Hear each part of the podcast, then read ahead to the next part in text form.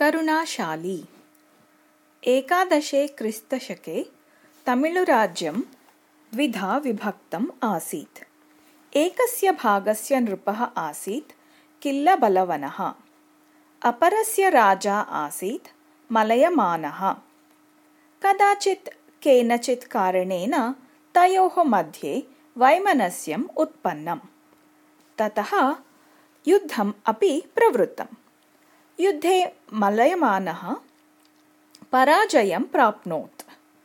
पराजितः सः अरण्यं प्रति अधावत्। भटाः तस्य त्रीन् पुत्रान् धृतवन्तः। तान् दृष्ट्वा राजा किल्लबलवनः भटान् आदिष्टवान्। एतान् उन्मत्तस्य गजस्य पादतले पातयित्वा मारयन्तु।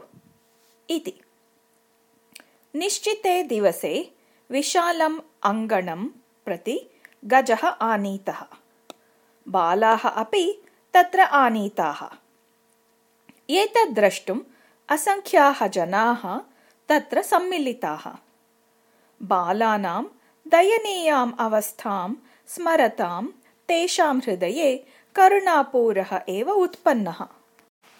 किन्तु राजाज्ञां विरुध्य व्यवहर्तुं किमपि वक्तुं वा कस्यापि धैर्यं न आसीत् अतः सर्वे उद्विग्नमनस्काः सन्तः अपि मौनेन स्थितवन्तः आसन्। भटाः गजस्य उपरि जलं क्षिप्त्वा तस्य क्रोधम् अवर्धयन्। ततश्च ते बालान् गजस्य पुरतः अपातयन्। तावता कश्चन कठोरः आज्ञास्वरः श्रुतः तिष्ठता इति। एषः स्वरः कस्य? इति सर्वे साश्चर्यं दृष्टवन्तः। सः स्वरः आसीत् महाकवेः कोवूरकिलारस्य। कवेः विरोधवचनं श्रुतवतः राज्ञः क्रोधः प्रवृद्धः। सः क्रोधेन तं कविम् अपश्यत्।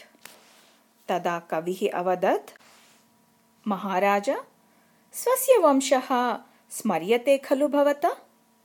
महादातुः शिबेः वंशेः जातः अस्मि इति किं भवता न स्मर्यते? शिबिमहाराजः कपोतस्य रक्षणार्थं स्वस्य हस्तेन शरीरमांसं कर्तयित्वा शेनाय दत्तवान् आसीत्।